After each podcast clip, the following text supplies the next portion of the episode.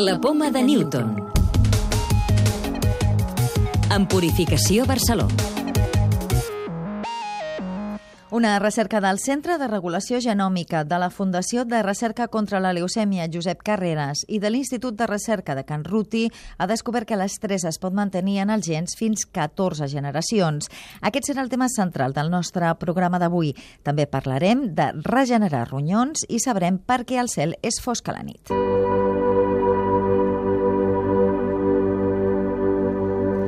La recerca sobre l'estrès s'ha fet amb un tipus de cuc que viu 3 dies, la qual cosa permet observar molt bé les generacions successives.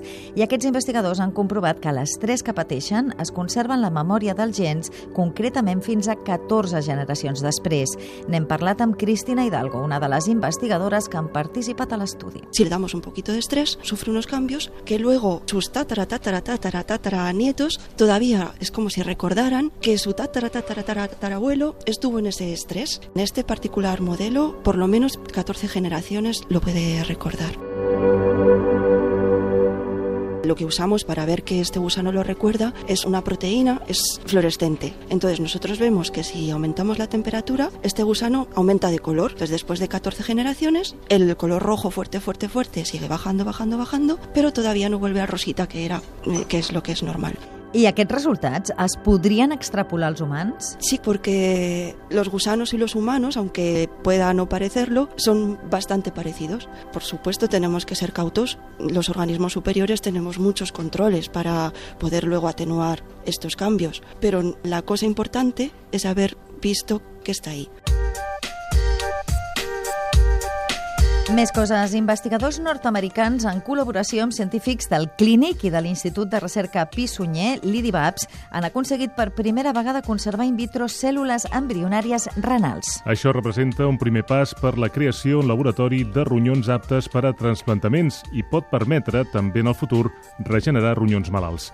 Josep Maria Campistol, director general i nefròleg de l'Hospital Clínic, és un dels responsables d'aquest estudi. La identificació d'aquestes cèl·lules progenitores renals obre la possibilitat a la creació d'òrgans renals bioartificials i també medicina regenerativa. A l'espai hi ha més de 750.000 partícules de deixalles de com a mínim un centímetre, que suposen un risc real per a les naus i per a astronautes en passejos espacials. Són dades de l'última conferència europea sobre ferralla espacial, una de les conclusions de la cimera és que cal un esforç internacional per lluitar contra aquest problema, ja que és necessari fer-ne seguiment, evitar col·lisions i retirar les partícules. Una nova tècnica desenvolupada per un equip internacional d'investigadors permet estudiar la presència d'ADN d'homínids i mamífers en els sediments de jaciments arqueològics, encara que no hi hagi ossos. L'estudi, en presència d'investigadors del CSIC, ha descobert que en els sediments de vuit jaciments europeus